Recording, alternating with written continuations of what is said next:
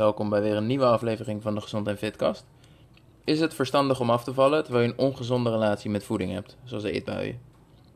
Voor vandaag heb ik in mijn ogen een hele bijzondere gast uitgenodigd die deze vraag gaat helpen beantwoorden. Ivo werkt tegenwoordig als eetgedragcoach om mensen te helpen met het voorkomen of herstellen van een eetstoornis nadat hij zelf een eetstoornis gehad heeft. Ik ken hem al wat langer dan dat hij dit doet. Zonder hem was ik namelijk nooit sportkunde gaan studeren en zou ik nu waarschijnlijk dit werk niet doen. Dus als je blij bent met mijn Instagram podcast of wekelijkse mails, kun je hem daar deels ook voor bedanken. We gaan het hebben over de aanloop naar Ivo's eigen eetstoornis, het herstel daarvan en hoe hij nu anderen helpt. Maar ook het verschil tussen af en toe eetbuien en een echte eetstoornis. En de samenloop van je relatie met voeding en afvallen. Genoeg introductie, denk ik, dus uh, laten we beginnen. Ivo, welkom. Dankjewel, dankjewel. Tof dat ik, tof, tof dat ik hierbij kan zijn. Graag. We hebben nogal een, internationale aflevering. Ik vanuit de Filipijnen en zelf zit je volgens mij in Spanje. Ja, vanuit, uh, vanuit Valencia. Uh, ik ben hier een jaartje geleden naartoe verhuisd. Lekker. En terwijl wij dit dus zitten op te nemen, hebben ze in Nederland op dit moment sneeuw. Dus uh, ik, ik, ben niet jaloers, zeg maar. Nee, nee, ik, ik, ook, ik ook niet echt. Ik kreeg vanochtend een foto doorgestuurd en ik dacht echt van, wat is hier aan de hand? Want volgens mij is het, is het uh, een week of twee weken geleden was het zelfs uh, tot 20 graden. Dus, nou ja, goed. Gaat lekker. Je hebt nogal wat meegemaakt op het gebied van sportgezondheid en uh, een daarbij behorende carrière. Dat wil ik graag met je doorlopen. Mm -hmm. Wielrennen op hoog niveau, eigen PT-studio gestart, eetstoornis overwonnen en tegenwoordig coachen mensen die zelf met een ongezonde relatie met voeding te maken hebben. Klopt dat? Ja, precies. Uh, precies. Um, ja, goed. Ik, laat ik eerst even beginnen met een stukje, stukje eigen sportverleden. Ik heb uh, van mijn achtste tot mijn achttiende heb ik aan wielrennen gedaan, wedstrijd wielrennen. En nou, dat ging hartstikke goed. Um, totdat ik eigenlijk, nou ja, totdat het hele verhaal letterlijk en figuurlijk met een, met een klap eindigde. Op mijn achttiende toen uh, viel ik ontzettend hard in een, uh, in een wedstrijd in België. En uh, vanuit daar zo in het ziekenhuis beland, op de intensive care, een, een klein weekje. En dat was eigenlijk het einde van het, van het wielerhoofdstuk. want daarna was het voor mij fysiek, maar vooral ook mentaal, was het niet echt meer mogelijk om nou ja, terug te komen, terug te keren. Um, dus dat, is het, dat is het, het, was het topsporthoofdstuk. En, en uh, ja. in, in, in dat stuk wielrennen, hoe, wat voor rol speelde voeding daarop? Een hele, een hele belangrijke rol. Um, want omdat uh, je tijdens het wielrennen of tijdens het fietsen uh, zoveel energie verbrandt, is het ook heel erg belangrijk om van tevoren heel veel te eten.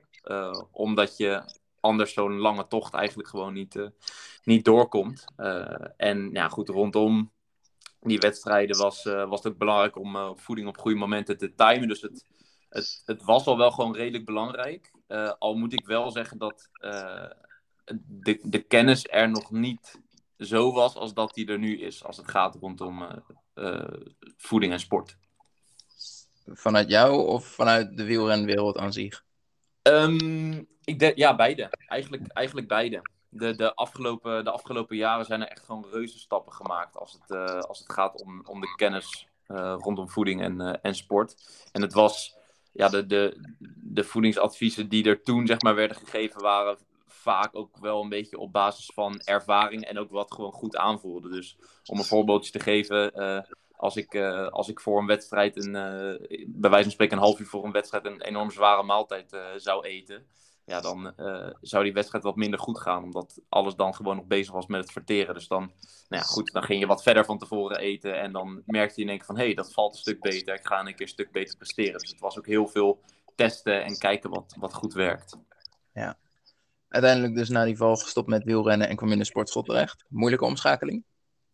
Um, nou ja, eigenlijk, uh, dat is misschien ook wel leuk voor de, voor de luisteraars. Jij, jij hebt mij voor het eerst meegenomen naar de, naar de sportschool. Uh, want, nou ja, goed, ik was, ik was dus gestopt met het, uh, met het fietsen, gestopt met het wielrennen. En um, ja, goed, toen, toen ik dus besloot geen, geen wedstrijden meer te rijden, toen viel voor mij ook een klein beetje de, ergens de noodzaak weg om in weer en wind, zeg maar, de fiets op te stappen. dus ook in de winter. En uh, dus ik was eigenlijk op zoek naar een, uh, naar, naar een nieuwe sport. Uh, die ik nou ja, goed, super leuk vond om te beoefenen. En toen uh, gaf jij aan van hey, Ivo, ga eens een keertje mee naar, de, naar de sportschool. En dat, nou ja, dat beviel eigenlijk wel gewoon hartstikke goed vanaf het eerste moment. Ja. Um, uiteindelijk afgestudeerd, HBO Sportkunde. Um, start je eigen personal training studio. Waarom ben je die richting opgegaan? Um, nou ja, goed. Ik, ik wist dus eigenlijk tot vrij kort voor het afronden van de studie niet precies welke richting ik op wilde gaan. En toen uh, kwamen wij uh, samen in een, uh, in een minorgroep terecht. Um, en die heette kracht- en conditietrainer volgens mij. En toen maakte ik wat meer kennis met, met personal training, individuele begeleiding. En ook wat meer het toepassen, denk ik, van de, van de leefstijlbegeleiding ook in de, in de fitness. En nou ja, goed, een van de redenen waarom ik toen zelf een... Um, een, een studio heb geopend, een PT-studio heb geopend, is voornamelijk omdat vooral toen, en volgens mij is dat nu wel een beetje aan het veranderen, maar vooral toen het, uh, het personal training aanbod gewoon nog heel erg was afgestemd op alleen maar training. En daar was niet echt heel veel plaats voor, uh, voor leefstijlcoaching. Mm -hmm. en vanuit ja, van die overweging uh, dacht ik van hé, hey, hoe tof zou het zijn om, om een eigen studio te, te starten was ook vooral, je zag het tekort bij de typische, um, typische aanbod aan personal training. En je dacht, dat kan ik beter. En heb het dus breder gepakt met een heel stuk leefstijl. Waarschijnlijk ook voeding uh, daarbij. Ja, pre precies, precies dat. En um, omdat, ik, omdat ik toen nog thuis woonde, was, nou ja, was het ook een stukje makkelijker om, uh, om dat helemaal van, uh, ja, van de grond af aan op te, op te zetten en op te starten. Er zat niet echt heel veel druk achter, zeg maar, om direct al heel veel zeg maar, werk te moeten hebben en heel veel uh, cliënten te moeten begeleiden. Wat voor mij best wel veel rust met zich meebracht als het, uh, als het ging om het uitrollen van, van, van, dat, van dat concept eigenlijk. Wat meer het complete concept, ja. En ergens in deze periode, um, nou ja, kreeg je te maken dus met een eetstoornis. Als je daar nu op mhm. terug Wanneer begonnen de eerste echte problemen rondom eten? Mm, een super goede vraag. Uh, ik heb daar nog, best wel vaak over, over nagedacht. Uh, wanneer het nu echt startte. En ik, uh, ik kan mezelf goed herinneren dat, en, daar is op zich niks mis mee, maar dat, dat ik best wel vaak in dat riedeltje zat van hey, proberen wat aan te komen in de, in de winter, te, te bulken en spiermassa bij te komen en dan te katten in de, in de zomer. En um, er, er was toen een, een, een bepaald moment, dat was in, in, in volgens mij zomer 2018, waarop ik zoiets had van hey, hoe, hoe tof zou het zijn om uh, dat eens wat verder door te trekken en eigenlijk gewoon het hele jaar door tussen aanhalingstekens droog te, te staan. Ja. En de overtuiging die daar ook deels achter zat, deels, uh, was van hey, op het moment dat ik zelf laat zien uh, dat dat mogelijk is om het hele jaar door bijvoorbeeld droog te staan, dan zou dat ook bijdragen aan een stukje professionaliteit. Nou ja, goed, daar ben ik het. Daar ben ik heel erg hard op teruggekomen. Maar dat was hetgeen wat toen door mijn, door mijn, door mijn hoofd heen ging. Um, en ja, ook wel gewoon geïnspireerd, denk ik, uh, door een stukje door social media. Um, het, het vertekende beeld wat je, wat je kreeg en misschien nu ook nog steeds wel krijgt van bijvoorbeeld fitnessmodellen die het hele jaar door droog staan. Um, wat, uh, nou ja, goed, wat heel lastig is om uiteindelijk te, te, kunnen, te kunnen bereiken, te kunnen behalen. Op een gezonde, op een gezonde manier, ja. ja. En nou kan ik me voorstellen, het is niet van de een op andere dag dat het helemaal misgaat, denk ik. Ik denk mm -hmm. best mhm. redelijk insluipt en opbouwt. Hoe is dat bij jou gegaan? Ja, precies. Het, het, het, slu het, sluipt er echt, het sluipt er gewoon echt heel erg in. Uh, het, en het begon eigenlijk um, wat meer met het, ja, het, het, het, steeds meer krijgen van, van, van continu fysieke honger. Want, nou ja, goed, uh, ook even voor de luisteraar, op het moment dat je op een bepaald moment een, een vetpercentage, een laag vetpercentage bereikt, dan is eigenlijk zo dat je lichaam vanuit een soort overlevingsmechanisme continu schreeuwt om uh, eten. Um, en dat dan dat daadwerkelijk ook gewoon echt nodig heeft. Nou ja, en dat negeer je dan op zo'n manier. Um, of op dat moment om, om dat laag vetpercentage aan te kunnen blijven houden. Maar het werd voor mij steeds moeilijker om uh, zo'n restrictief voedingspatroon aan te houden. Hè? Want jezelf bepaalde producten voor een aantal weken of misschien een paar maanden ontzeggen, dat ging dan nog wel. Maar op den duur begon ik daar heel sterk naar te neigen. En toen merkte ik bij mezelf op van, hé, hey, maar op het moment dat ik op een verjaardag ben, uh, met mensen uit eten ga of bij vrienden ben, dan gingen mijn ogen en mijn gedachten alleen maar naar datgene wat ik eigenlijk niet van mezelf mocht eten. Toen dacht ik, weet je wat, kan het mezelf ook makkelijker maken door daar gewoon überhaupt niet meer naartoe te gaan. En dat sluipt er dan gewoon een beetje in, omdat je, uh, nou, ik zei dan altijd gewoon van ja, ik ben moe of ik heb het druk. En ik was ook wel moe en ik had het ook wel druk. Maar dat was niet de echte, echte reden. Ja. ja. Dus ja.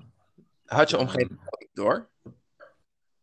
Ik, uh, mijn, mijn omgeving die, die gaf wel aan van. Dat was, dat was heel dubbel trouwens. Dat was wel een goede vraag. Want aan de ene kant kreeg ik een soort van complimenten van, van mensen die zeiden van. Oh, gast, uh, hoe kan het dat jij, uh, dat jij in december bijvoorbeeld nog zo droog staat en dat jij nog zo'n laag vetpercentage hebt. Dus ik werd aan de ene kant kreeg ik een soort van bevestiging van omgeving van hey, goed bezig.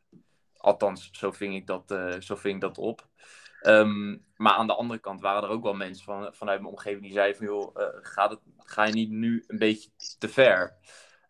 alleen ja, dat dat, dat wuifde ik gewoon weg als in van ja, maar jij, je, je snapt er toch niks van. Ja. Dus, nou ja, goed. Zo, zo ging dat dan een beetje. Op dat moment wogen voor jou de voordelen nog op tegen de nadelen wat dat betreft? Uh, ja, op dat inderdaad. Op, op, op, dat moment, op dat moment wel. Ja, op dat moment wel. En dat was dan, uh, nou ja, zeg maar de vers, vers, verstoorde uh, eetgedragingen die begonnen denk ik een beetje in de, in de zomer van 2018. En nou, in ieder geval in najaar 2018, uh, begin 2019 woog het inderdaad nog op. De voordelen wogen nog op tegenover de nadelen, ja. En wat was voor jou het echte dieptepunt? Waarop je dus echt kan zeggen, nou, de voordelen wogen helemaal niet meer op tegen de nadelen? Um, dat was de, de zomer, uh, zomer in 2000. 19. Het was toen eigenlijk gewoon, ja, had het zich nog steeds verder en verder en verder ontwikkeld in negatieve zin. Dus restrictief gedrag uh, was uh, toegenomen. Ik begon ook extreem te compenseren nadat ik een product had gegeten wat ik mezelf had ontzegd. de eetbuien die waren op dat moment nou ja, in, in volle gang. Um, ik compenseerde het niet alleen maar door extra te bewegen, maar door ook uh, te, te braken, dus over te geven. Ja. Nou ja, en in het, in het begin, ik, ik, ja, dat is zo moeilijk te omschrijven, maar ik, ik wist dat het, dat het niet goed was en dat het niet klopte, maar ik uh, wist altijd wel een reden voor mezelf te verzinnen om het, om het goed te praten. Nou ja, en het punt waar het dan dus misging was uh, zomer 2019, waar, waarin ik uh, s'nachts wakker werd met gewoon echt extreme, extreme buikpijn. Um, en die pijn die ging gewoon echt niet weg. En uh, dat deed zo, zo, zo ontzettend veel uh, pijn dat op den duur, ja, dan begin je gewoon, dan begin je het gewoon letterlijk uit te schreeuwen. Uh, en um, toen, ja goed, dat wordt natuurlijk opgemerkt door je omgeving. Want als er drie uur s'nachts iemand, iemand loopt te schreeuwen van de pijn, dan, mijn ouders die werden daar wakker van. En toen ben, ik samen met mijn uh, vader ben ik naar de eerste hulp gereden. Um, om te onderzoeken wat er aan de, aan de hand was. En daar is toen op dat moment kreeg ik gewoon een pijnstilling. En daar is niet echt iets speciaals uitgekomen. Maar ik wist wel zelf donders goed van. Ja, maar dit, dit kwam ook wel een beetje door de, de manier van, van eten. Uh, en, en, en de manier waarop ik nou ja, eigenlijk niet voor mijn lichaam zorgde ik wist wel dat dat daar deels mee te maken had. En dat is voor mij wel een, een soort ommekeer geweest van... hé, hey, uh, dit, dit moet anders. Ik kan dit ook niet meer volhouden. Was dit ook het eerste punt dat um, je misschien wel gedwongen werd... om het ook met je ouders te bespreken? Dat je het niet meer voor hen kon verbergen? Ja, precies. Precies dit. Precies dit. Uh, op, op dat moment... Uh, ja, waren, waren mijn ouders wel gewoon heel erg duidelijk in. En was het ook gewoon allemaal iets, iets minder, uh, zeg maar, werd het ook iets minder subtiel. Nee. Ja, en toen, toen, gaf ik, toen gaf ik dat zelf, uh, gaf ik dat zelf ook wel, uh, ook wel aan. En um, ja, toen stapte ik eigenlijk van de ene naar de, eh, naar de andere lastige periode. Want dan ga je een periode van, van herstel in. En eh, op het moment dat je jezelf restricties wat meer gaat. Ja, eh, als je die restricties wat meer gaat opgeven. Ja, toen kwamen er vanuit mezelf dus gewoon echt extreme eetbuien aan. zonder daadwerkelijk veel te, veel te compenseren. Ja, en dat is lastig om uh, mentaal ook door te maken om eigenlijk in een, in een paar maanden tijd uh, nou ja, meerdere kilo's aan te komen. Dus dat was ook gewoon een, dat was een lastige, was ook een lastige periode, maar wel eentje die nodig was. En denk ik is voor iedereen die in zo'nzelfde soort situatie zit. Kan me voorstellen, ja. In eerste instantie had je die eetbuien en was het, nou ja, zodat je zo dwars dat je bereikt was om hè, naar het toilet te gaan en over te geven. En nu, mm -hmm. en, en moet je dat bij wijze van laten gebeuren. Uh, ja, dat zal mentaal ontzettend zwaar zijn natuurlijk. Ja, precies. En op den duur uh, voelde, dat, ja, voelde dat aan de ene kant ook wel uh, heel eenzaam aan. En ik, ik, schaamde mezelf, ik schaamde mezelf kapot. Want, nou ja, ik werkte op dat moment ook gewoon nog als, als trainer, als leefstijlcoach. En ik gaf ik gaf mensen eigenlijk de adviezen die ik, uh, die ik zelf op zou moeten volgen, zeg maar, maar dat, maar dat niet deed. En het, ja, en het feit dat ik dus toen ook gewoon nog als professional in dit uh, vlak, toen ook gewoon nog steeds aan het werk was, um, ja, dat maakt het wel gewoon extra lastig om, daar, om daarover te kunnen praten. Want je, je hebt het gevoel dat ja, wanneer je zelf als, als personal trainer of als leefstijlcoach zegt dat je met eetproblematiek kan, dat andere mensen je niet meer serieus nemen. Hoe kan dat nou? Mm, dus ja. Is dat in de praktijk ook gebeurd? Of heb je het wat dat betreft redelijk verborgen gehouden totdat het nou ja, grotendeels achter je is? Um, ik heb in, in, het, uh, in het herstel daarvan heb ik wel zeg maar, het een en ander daarover, daarover laten vallen. Want nou ja, goed, mensen zagen dat ik, uh, dat ik fysiek gezien veranderde. Oh um, maar ja, ik heb, ik heb uiteindelijk wel zeg maar, tot een bepaald moment in herstel gewacht om het ook, uh, om het ook daadwerkelijk naar cliënten toe te, te communiceren. En ja, waarom eigenlijk? Um, ik denk dat ik dat vooral voornamelijk achteraf deed, omdat ik niet wilde dat te veel mensen uh, van dat daadwerkelijk mentale probleem afwisten om ook gewoon in alle rust aan herstel te kunnen werken. Ja. Um, dat, en daar ben ik achteraf, daar sta ik nog steeds wel gewoon uh, achter, denk ik. Uh, nou ja, niet denk ik, dat weet ik zeker dat ik daarachter sta, dat ik ook, dat op die manier heb aangepakt. Meens, meens. Terwijl je er middenin zit, is dat ook niet het moment om dat, niet per se het moment om het met de hele wereld te delen, denk ik. Nee, nee die herstelperiode, heb je dat zelfstandig aangepakt of heb je hulp ingeschakeld? Um, ja, dat is een super goede vraag. Want meestal dan uh, in, in, het, in het herstel van, van um, eetproblematiek, dan wordt er natuurlijk uh, altijd aangeraden om, um, nou ja, goed, om uh, of naar de psycholoog te gaan of om een andere professional ervoor in te schakelen. En dat hangt ook een beetje af van, van de, het type eetproblematiek wat je, wat je ervaart. Uh, maar ik heb op dat moment heb ik heel veel hulp gehad uh, van mijn uh, vriendin. Want zij, zij is zelf psychologe. En zij wist precies de vinger op de zere plek te leggen. Um, op, de, op de juiste momenten. en omdat bij mij zeg maar, de, de, een groot deel van de oorzaak van e-problematiek in een stukje laag zelfbeeld, verstoord zelfbeeld zat ja, is dat uiteindelijk gewoon heel effectief geweest om het, om het er met haar heel, uh, heel veel over te hebben. En um, dat heeft mij uiteindelijk wel gewoon heel erg geholpen. Uh, en uiteindelijk um, heb je natuurlijk op het moment dat je met e-problematiek kampt, dan is er de onderliggende oorzaak. Bij mij was, had dat dan dus te maken met uh, een stukje zelfbeeld. En uiteindelijk heb je ook nog eens de uitingsvorm, namelijk daadwerkelijk het verstoorde eetgedrag zelf. En dat heb ik uiteindelijk uh, ook wel deels met wat uh, zeg maar externe hulp, maar meer in de vorm van een stukje accountability, heb ik dat uh, gelukkig kunnen, kunnen oplossen. Maar er zijn wel mensen geweest vanuit mijn omgeving die me goed in de gaten hebben gehouden binnen, binnen, dat stukje, binnen dat stukje herstel. Oh super. Kan je uiteindelijk zeggen dat er, kan je zeggen dat er een zeker punt is waarvan je zegt: Ik ben van mijn eetstoornis af?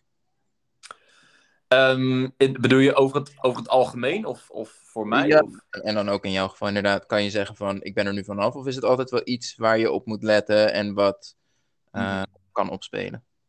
Ja, is een, is een, is een super interessante. Uh, want, uh, en daar heb ik het ook wel regelmatig met cliënten over. Van oké, okay, kan, je, kan je nu daadwerkelijk op een bepaald punt zeggen dat je, dat je, dat je, bent, dat je bent hersteld? Nou ja, en, en dat je dat ook, dan ook daadwerkelijk zo voelt.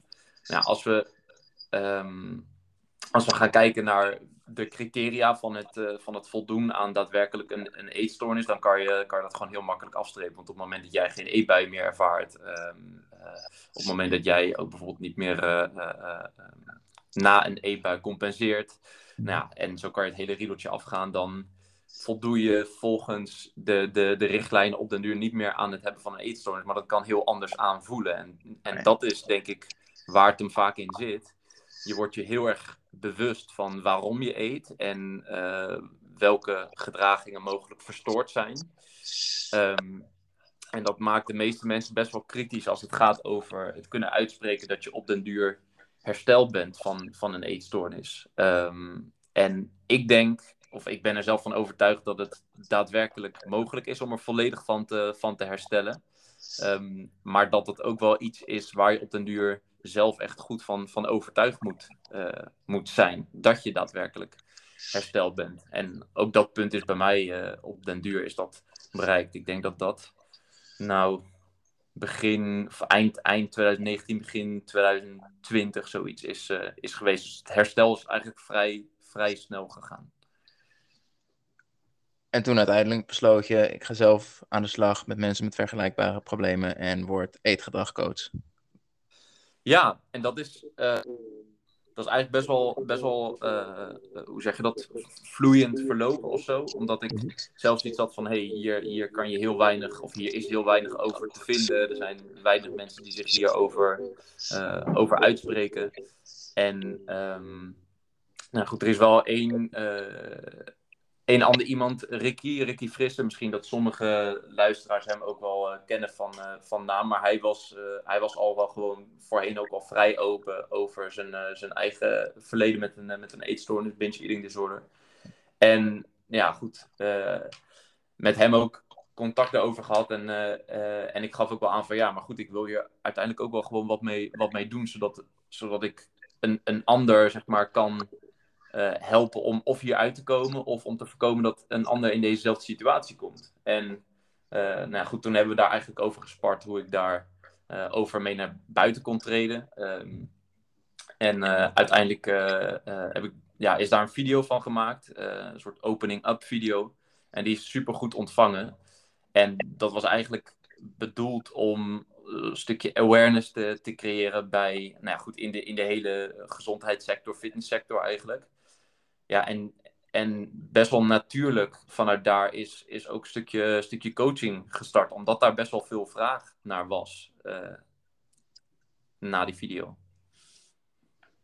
Is het stukje coaching wat je nu aanbiedt, is dat eigenlijk waarvan je zegt dat is um, waar ik zelf destijds misschien wel de meeste baat bij zou hebben gehad? Wat ik het hardst nodig had? Ja, ja, 100, 100%. Ik denk ik denk zowel, um, zowel in de, de, de, ja, hoe zeg je dat, in het voorkomen van, van uh, de eetstoornis zelf, als ook wel gewoon deels in het, uh, in het daadwerkelijk oplossen van de, van, van de eetstoornis en uh, in het daadwerkelijk weer toewerken naar gezond eetgedrag. Um, ja, en dat is, dat is wel iets wat ik achteraf gezien uh, wel heel goed had, had kunnen gebruiken. Um, alleen aan de andere kant ben ik mezelf ook wel heel erg van bewust dat uh, wanneer je zelf midden in de problematiek zit, dan ontken je misschien uh, juist heel erg dat je, dat je hulp nodig hebt. En, dan ook, en het dan ook niet echt gewoon aanneemt. Dus ja, ja dat, mer dat merk ik in de praktijk bij uh, bij, in, de, in de coaching van sommige cliënten ook wel, dat er best wel een periode aan vooraf is gegaan. Zeg maar voordat ze hebben aangeklopt voor, uh, voor hulp. En kan je daar een voorbeeld van geven? Van met wat voor problemen komen mensen bij jou aan? Hoe ziet het proces eruit? En hoe sluiten ze de coaching af? Ja, super, uh, super goede vraag. Het is eigenlijk heel, heel divers waar, waar en hoe mensen zeg maar, ehm, bij me terechtkomen. Maar om een beetje een, een voorbeeld te geven van bepaalde ja, problematiek die mensen ervaren, zijn het vormen van, van e-buien, um, ongecontroleerde e-buien, overcompenseren. Um, dus extreem restricten. Dus jezelf ont ontzettend veel, veel producten, veel voeding ontzeggen. Um, problematiek met zelfbeeld. Uh, en ja, het is vaak gewoon die hele mix van, van alles wat met een uh, gezonde relatie met voeding te maken heeft. Of juist een verstoorde relatie met voeding te maken heeft. Um, waar mensen uiteindelijk mee, mee aankloppen. Maar ik moet wel zeggen dat eetbuien en nou ja, onder andere emotie eten wel vaak een bepaalde uitingsvorm zijn van hetgene waarmee mensen aankloppen. Um, en nou ja, goed, hoe zo'n coachingstraject dan eruit ziet. Dus eigenlijk uh, als volgt mensen hebben een, een, een, wekelijkse coachingscall waarin we eigenlijk ingaan op, het, op hetgeen wat belangrijk is voor die persoon. Mm -hmm. en daarin gaan we eigenlijk volledig in op een stukje, stukje eetgedrag, voedingsovertuigingen. we pakken zelfbeeld daarin ook, ook mee. Het, het, zijn niet alleen maar opdrachten die mensen doen, maar het zijn vooral ook gewoon veel, veel, veel gesprekken die we erover hebben.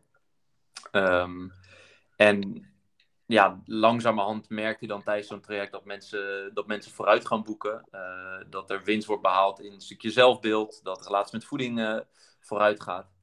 Ja, en dat is echt ontzettend tof, tof om te zien eigenlijk. En um, ik, ik vind het zelf belangrijk om mensen zo snel mogelijk uh, autonoom te maken, zelfstandig te maken. En om niet al te lang afhankelijk van mij te houden. Dus het is niet nodig dat wanneer je of met een eetstoornis kampt of je hebt een verstoorde relatie met voeding, dat je uh, een volledig gezonde relatie met voeding moet hebben. Um, voordat je daadwerkelijk een coachingstraject hebt afgesloten. Het is juist het doel om echt op, op eigen benen zeg maar, te staan en verder te kunnen. Um, en ik weet niet hoe jij daar zelf in staat, maar ik vind juist een stukje zelfstandigheid uh, onderdeel van, van, uh, van het herstelproces van de eetstoornis, maar ook het daadwerkelijk kunnen uh, uitdragen van een gezonde relatie met, met voeding naar, naar jezelf toe ook.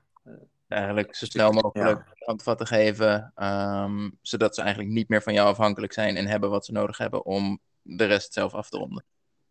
Ja, pre precies, precies. Omdat, omdat ik denk dat, tuurlijk, het is, het is ontzettend fijn om een, om een, om een coach te hebben die jou, uh, die jou helpt, die jou ondersteunt, waar je bij terecht kan. dat vind ik zelf ook wel heel erg belangrijk, dat nou ja, de mensen niet alleen maar coachingscalls hebben, maar dat er tussendoor ook gewoon contact mogelijk is. Maar dat stukje zelfstandigheid, ja, dat, dat is toch waar je op de lange termijn, waar mensen, wat, wat heel belangrijk is voor mensen, om het ook daadwerkelijk vast te kunnen houden. Ook zonder daadwerkelijke hulp erbij. Ja, absoluut.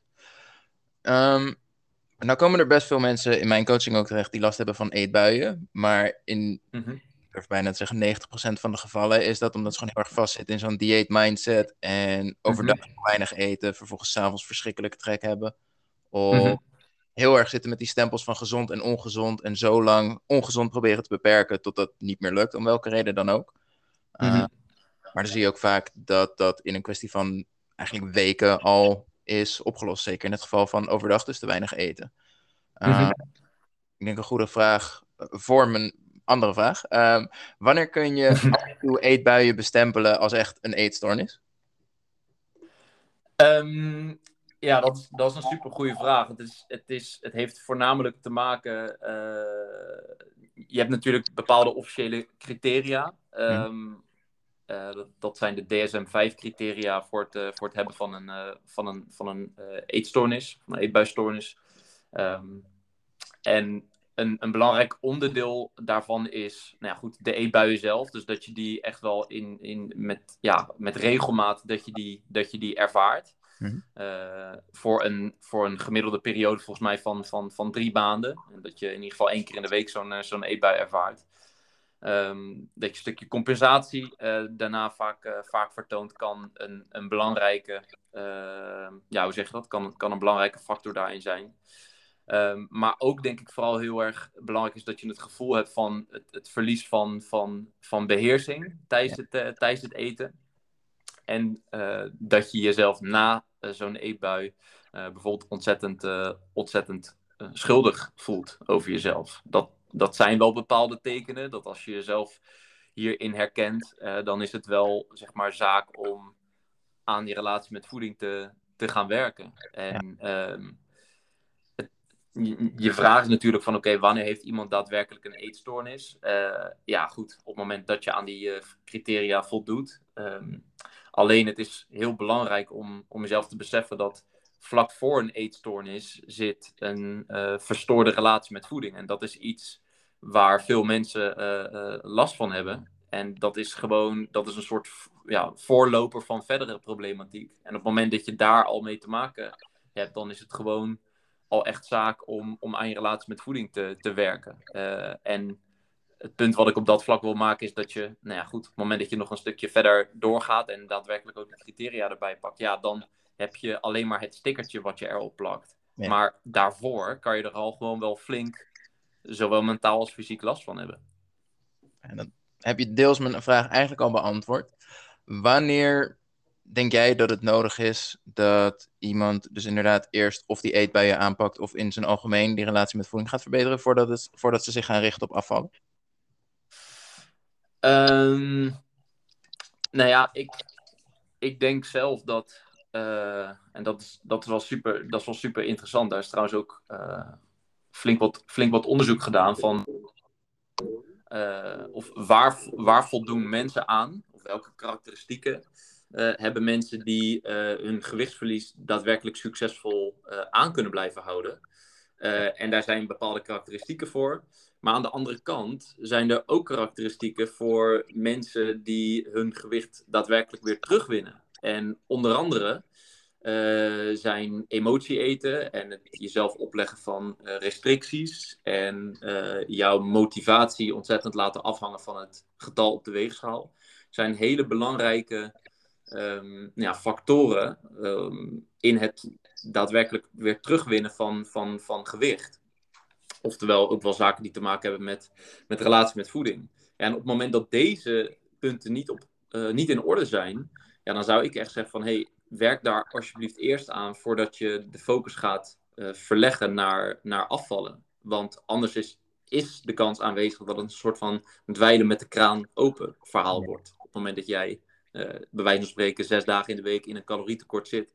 En op dag zeven merk je dat je door alle restrictie um, en door uh, last hebben van een stukje emotieregulatie vanuit emotie eet. En al die producten eet die je zelf ontzegt. Ja, dan doe je je uh, voortgang teniet eigenlijk. En zou je zeggen, je kan aan beide tegelijk werken? Of zeg je, ik zou eerst beginnen met die relatie met voeding. Neem er de tijd voor uh, jammer dan dat het afvallen een paar maanden, misschien een jaar moet wachten. Um, want op lange termijn heb je er meer baat bij. Ja, dit, dit is ook wel een super interessante. Want uh, ik denk dat het mogelijk is om aan je relatie met voeding te werken. Uh, en tegelijkertijd af te vallen. Hmm. Alleen dat afvallen is vaak een soort van nou ja, bijeffect van het feit dat je goed aan je relatie met voeding werkt. Ja. Um, om daadwerkelijk echt de hyperfocus op afvallen te blijven behouden. En dan te zeggen van, nou ja goed, ik ga aan mijn relatie met voeding ook werken. Ehm, je kan het, hè, je kan het altijd, altijd uittesten, kijken wat, dat, uh, kijken wat dat doet. Maar dat is uh, meestal niet waarvanuit ik zelf zou, zou starten. En nou ja, goed, daarnaast is het ook belangrijk om te beseffen dat als we gaan kijken naar, um, naar bijvoorbeeld eetbuien dan zijn er mhm. bepaalde zaken die jou kunnen triggeren. Uh, je hebt triggers op uh, gedragsniveau, cognitief niveau en emotioneel niveau. En emotioneel niveau is bijvoorbeeld van, hey, op het moment dat je jezelf verdrietig voelt, dat dat kan triggeren tot een eetbui. Cognitief kan bijvoorbeeld zijn dat je een verstoorde relatie met voeding hebt en dat je product als gezond of ongezond ziet. En als we gaan kijken, en dit is de belangrijkste denk ik voor nu, als we gaan kijken naar gedragstrigger, dan zien we ook dat ondervoeding daadwerkelijk kan uh, leiden tot, uh, tot een eetbui. Dus een, een calorietekort kan een trigger zijn voor eetbuien. Nou ja, goed, op het moment dat jij bijvoorbeeld last hebt van eetbuien, um, maar je wil blijven afvallen en ook aan je relatie met voeding blijven werken, ja, dan snap je natuurlijk ook wel dat als je in een energietekort zit, dat dat dus een directe trigger is voor je eetbuien. Dus zou ik zeggen, hmm, misschien eerst even die focus op relatie met voeding voordat je het echte afvallen verder wil gaan inzetten. Absoluut. En dat is ook iets wat ik eh, met redelijke regelmaat ook wel herhaal. Zolang je eetbuien hebt, Mhm. eh, laat afvallen los. Want, nou ja, zoals je net al zei, dweilen met de kraan open. Het is, ehm, je maakt het jezelf haast onmogelijk. En degene die het dan, ondanks dat toch lukt, die komen op zo'n punt. Vaak komen ze dan alsnog bij me terecht van, ik ben nu 10 kilo afgevallen. Maar mijn eetbuien Mhm. zijn maar meer en meer. En ik ben aan het vechten om deze 10 kilo eraf te houden. Terwijl ik er eigenlijk nog 15 moet afvallen voor een gezond gewicht. Ja, Ja, eh, lastig. Want waarschijnlijk zal je dus inderdaad aankomen terwijl je die eetbuien nu toch echt zal moeten aanpakken. En dan pas kan je verder kijken. Ja, pre- precies, precies. En ehm, waar ik altijd gewoon wel ook wel een grote voorstander van ben, is, is, is echt dat wanneer iemand ehm eetbuien ervaart, om, om echt gewoon naast inderdaad die, nou ja, goed, eh, die gedragstriggers, om daarnaast te gaan kijken van hé, maar hoe staat het ervoor met, eh, met zelfbeeld? Waarom vind jij, het, eh, vind jij het lastig om je focus van het afha- afvallen af, te, af te houden, af te halen? Want daar zit voor veel mensen ook wel een beetje, naar mijn mening, zit, een, zit een belangrijk onderdeel, onderwerp om, om verder aan te werken. Ja. Eh, waarom? Ja, op het, op het moment dat jij het heel lastig vindt om het afvallen los te, los te laten, dan zit daar waarschijnlijk iets achter. En nou ja, stel je voor dat je dat weet op te lossen, of in ieder geval weet bloot te leggen, dan eh, kan je het afvallen daarna mogelijk ook wat makkelijker loslaten en aan je relatie met voeding werken. Ja. Ehm, En bedoel je dat dan ook een beetje als van wat is de, motivatie achter je afvallen? Zo van ik. ehm, en mensen komen over het algemeen bij me en ze zeggen ik wil zoveel kilo afvallen.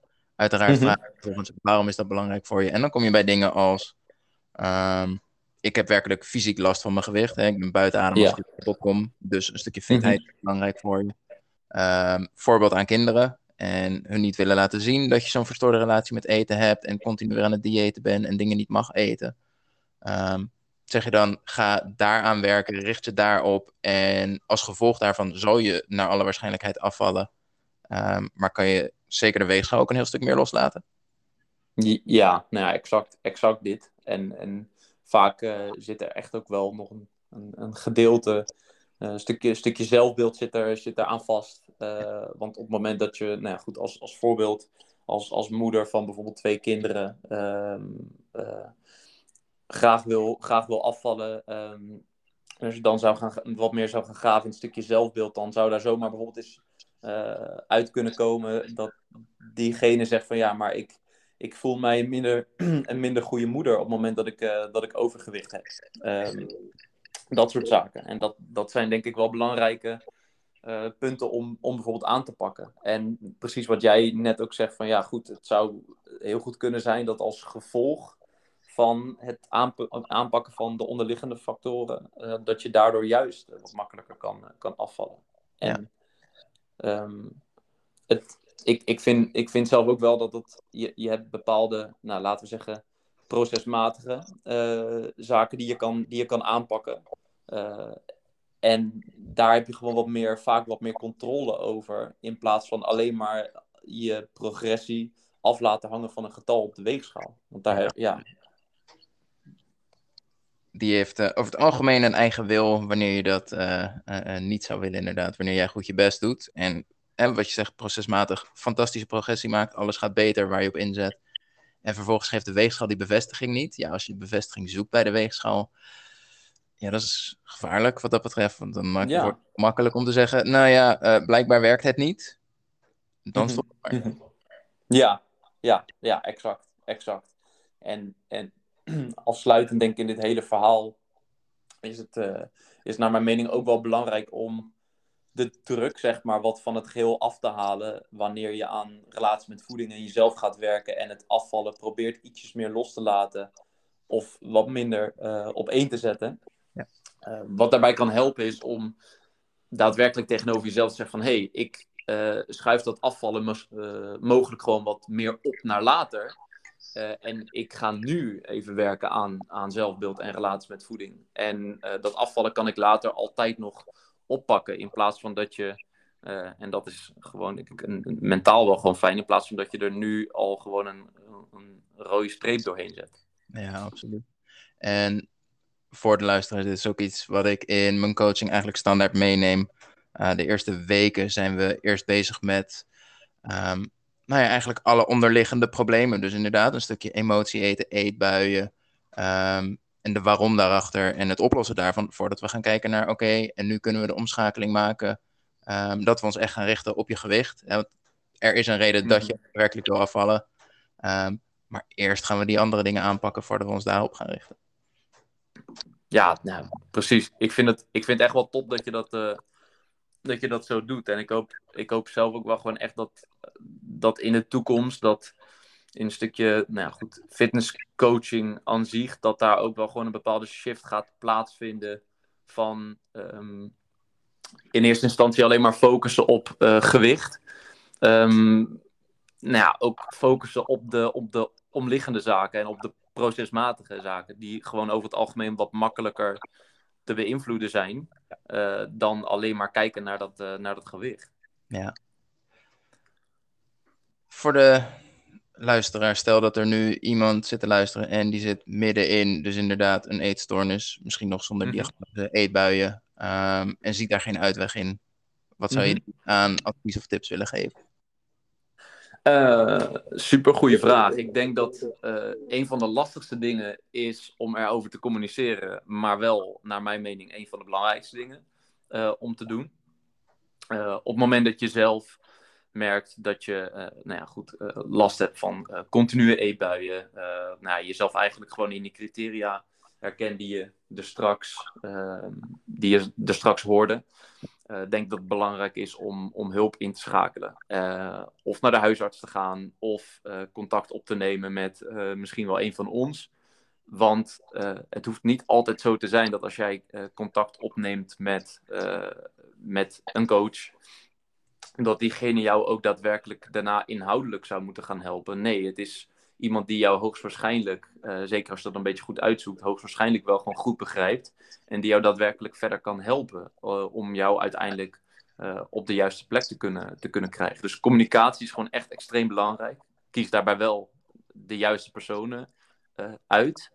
dat is misschien een heel onderwerp aan zich, maar ik denk dat jij dat ook wel communiceert met, met cliënten, maar niet iedereen begrijpt waar mensen doorheen gaan. Absoluut. Um, dat is een, dat is een, belangrijke, dat is een belangrijk iets.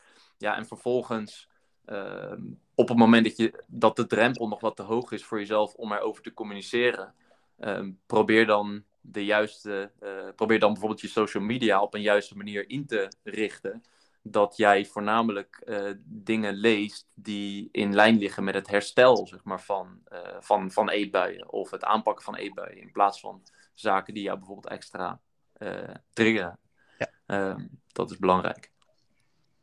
En stel iemand luistert dit en die herkent dit in iemand die dichtbij ze staat, misschien op basis van je eigen ervaring. Hoe had iemand in jouw omgeving je kunnen helpen of juist niet en mm-hmm. uh, diegene zelf zijn weg laten vinden?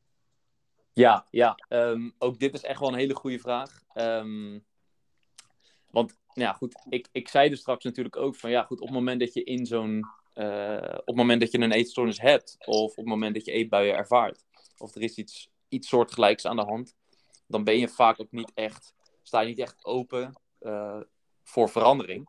Mm-hmm. Mm. En ik denk dat het als buitenstaander op dat vlak, als jij echt iemand in je. dat je ziet dat het daarmee niet goed uh, gaat, denk ik dat het beste wat je kan doen is het daadwerkelijk aangeven mm-hmm. bij die persoon zonder daadwerkelijk uh, opdringerig of drammerig over te komen dat die persoon moet veranderen en dat die persoon naar de huisarts moet gaan, dat die persoon hulp in moet schakelen. Want diegene die hoort je echt wel, alleen die gaat waarschijnlijk in het begin gewoon nog even kaart in zo'n uh, in zo'n ontkenningsfase van hé, hey, er is niks aan de hand.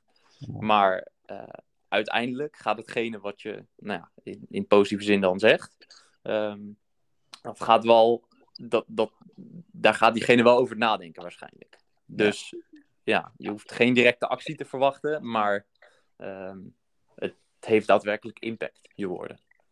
En zeggen dus eigenlijk, probeer zoveel mogelijk um, zonder oordeel je observatie te delen. Hè? Delen wat je ziet, zonder te zeggen dat is slecht en dat moet anders. En vervolgens die ander, nou ja, dat laten verwerken en tot een conclusie laten komen. Ja, precies. Precies. Ik, ik, ik, denk, ik denk ook niet dat je uh, heel, ja, hoe zeg je dat? Dat je een heel lang verhaal uh, hoeft te houden naar, naar iemand toe. Een aantal woorden, zeg maar, op dat vlak kunnen ook wel, uh, kunnen ook al wel gewoon raak zijn. Zolang die woorden inderdaad maar niet op een directe manier veroordelend zijn. Ja. dat was zo'n goede, inderdaad, hoe je dat, hoe je dat zei. Um, nou ben jij uh, volgens mij deze week, en je noemde net al samenwerking met Ricky, volgens mij zijn jullie daar deze week um, nou ja, wat nieuws mee gestart. Wil je mm -hmm. daar meer vertellen? Ja, um, het, heet, uh, het heet Change Coaching. En uh, eigenlijk um, ja, willen wij, willen wij een, een, noem het een, een coachingsplatform aanbieden. coaching- en educatieplatform aanbieden. die gericht is op eetgedrag, zelfbeeld en gezondheid. En uh, samen met uh, Ricky, Jamie en Laureen uh, nou, hebben we dat in de afgelopen maanden opgezet. Ehm, we werken eigenlijk al een, nou ja, goed, een langere tijd samen. Maar we vonden het sterk om er nou ja, goed, één brand eigenlijk van, van te maken. Ja. En ja, goed, vanuit daar is, is change coaching ontstaan. En het, nou ja, het toffe vind ik in ieder geval, daar ben ik zelf heel enthousiast over, is dat we alle vier uh, dezelfde visie hebben. Maar we dragen dat net, of, uh, net even op een iets andere manier uit, omdat we net allemaal onze eigen, nou ja, laten we zeggen, focuspunten uh, hebben. Ja. en dat, nou, dat, vind ik, dat vind ik zo tof. Dus het is niet dat we alle vier hetzelfde, precies hetzelfde zijn. En is dit dan een, ehm, een, een platform wat dat betreft, wat je zegt, als het Als je last van een eetstoornis, klopt bij ons aan? Of is het ook een stukje, um, als je je relatie met voeding wil verbeteren, dan hebben wij daar een aantal bronnen voor? Um, ja, het is, je, je zou het gewoon eigenlijk zo kunnen zien. Het, uh, uh, wij, zijn, wij zijn vier coaches en wij, wij hebben ook onze krachten gebundeld. en er gaat allerlei toffe, toffe, toffe content aankomen. Uh, die mensen daar, daarbij uh, ondersteunt, zeg maar. Als het gaat over het verbeteren van relatie met voeding, zelfbeeld. Uh, voor de vrouwelijke luisteraars, wat er ook mee te maken heeft, een stukje sensualiteit, seksualiteit, waar James zich best wel op, op focust. Um, en het is niet zo dat, dat wij ons puur richten op een stukje eetstoornissen zelf, want daar zit nog een hele ja, er zit nog een hele fase voor, zeg maar, waar we, uh, waar we ons juist ook heel erg op willen richten. En dat is namelijk de fase van verstoord eetgedrag en verstoord zelfbeeld. Want mm, dat is uiteindelijk iets wat kan uitmonden in een eetstoornis. Uh, maar dat willen we eigenlijk graag, uh, graag voor zijn. Ja. Jullie gaan je eigenlijk heel hard inzetten om mensen wat dat betreft te beschermen, dat het zover komt. Um, en op die manier heel erg te helpen. Precies, precies. En dat, ik, ik, uh, ja, dat is lekker, uh, ik wil niet zeggen een dooddoener, maar uh, voorkomen is beter dan, dan genezen op dat vlak. Als het mogelijk, als we daarin iets kunnen bijdragen, ja. dan, dan doen we dat op deze manier gewoon heel erg graag. En dat neemt natuurlijk niet weg dat wanneer je uiteindelijk toch last hebt van een eetstoornis, dat we je niet kunnen helpen. Absoluut niet. Want daar zijn we, daar zijn we ook gewoon voor. Alleen, ja, we willen de manier waarop we ons uitdragen, willen we gewoon heel erg uh, in die preventieve rol, zeg maar, uh, kruipen. Ja, ik denk inderdaad dat daar vooral um, nou ja, een heel groot gat is. Um, nou ja, wat jullie wat dat betreft heel mooi opvullen, inderdaad. Dat daar een heel groot Ja, want je, ja, pre precies, want je hebt, je hebt eigenlijk een, een, een soort van diet culture en een anti-diet culture. En uh, wij proberen daar wat meer tussen, tussen te uh, zitten. Want wij zijn absoluut niet uh, de, de personen die zeggen van hey, je kan alleen je resultaten behalen op het moment dat je uh, dieet. Anderzijds zijn we ook niet mensen die zeggen van nou ja, diëten is onzin. Dat kan je in geen geval, geen van alle gevallen kan je dat inzetten. Dus we zweven er eigenlijk een beetje tussen. En dat is nog niet echt iets wat er in Nederland in ieder geval tot nu toe wat daar heel, heel, heel, sterk, uh, heel sterk was. Je ziet het wel steeds gelukkig wat meer naar boven komen. Um, maar, maar ik vind dat het altijd nog wel beter kan. Ja, precies. Um, misschien een interessante om mee af te ronden. Je hebt samen met Ricky Frisse destijds een uh, aflevering voor NPO 3 gemaakt, de serie Het Goddelijke Lichaam. Hoe is dat mhm. tot stand gekomen? Ja, dat is, dat is eigenlijk wel hartstikke uh, spontaan gebeurd. Um, we kwamen, even kijken hoor. Een van ons, ik weet niet meer wie, wie van ons dat was, werd, werd benaderd door, door iemand vanuit, vanuit de NPO. iemand die volgens mij, nou goed, zij, zij wilden dat item al maken vanuit, vanuit NPO. Alleen ja, ze wilden, dat, ze wilden nog de, de, de juiste persoon erbij, erbij zoeken. En toen waren ze, waren ze bij, bij een van ons terechtgekomen. Um, nou goed, daar met, met ze gebeld eigenlijk, ons verhaal gedeeld. En toen hadden zij zoiets van, hey, uh, het, het verhaal wat wij willen maken, of het, het, het onderwerp wat wij willen bespreken, daar, daar past dit wel gewoon heel erg goed bij. Dus zo is dat eigenlijk tot stand gekomen. En dat is gelukkig heel erg goed ontvangen. want dat, ja, dat, zoiets had natuurlijk twee kanten op kunnen gaan. Ehm, maar vanuit de, de, de reacties die er zijn gekomen, is, is die aflevering super goed ontvangen. is daar ook best wel wat openheid vanuit andere mensen en herkenbaarheid vanuit andere mensen is daar, uh, daaruit voortgekomen. Dus ja, daar ben ik hartstikke blij mee dat dat uh, de goede kant op is gevallen. Ja. Ik zal de link daarvan in de beschrijving ook zetten van de podcast voor als je die wil kijken. Um, nou ja, allereerst Ivo, ik wil je sowieso heel erg bedanken voor je tijd. Um, is er iets waarvan je zegt dat wil ik nog toevoegen of delen? Um, even kijken. Ja, volgens mij heb ik het meestal wel gewoon verteld en gedeeld. Maar wat ik sowieso wil, wil meegeven is dat ondanks dat het natuurlijk gewoon soms lastig kan zijn om aan eetgedrag of aan je leefstijl te werken, is dat je. Uh, dat ik vind dat je gewoon trots op jezelf mag zijn op het moment dat je uh, daar daadwerkelijk mee aan de slag gaat. En ongeacht hoe het dan naar je eigen zeggen vervolgens gaat wat betreft progressie. Absoluut, hele mooie. Waar kunnen mensen jou vinden?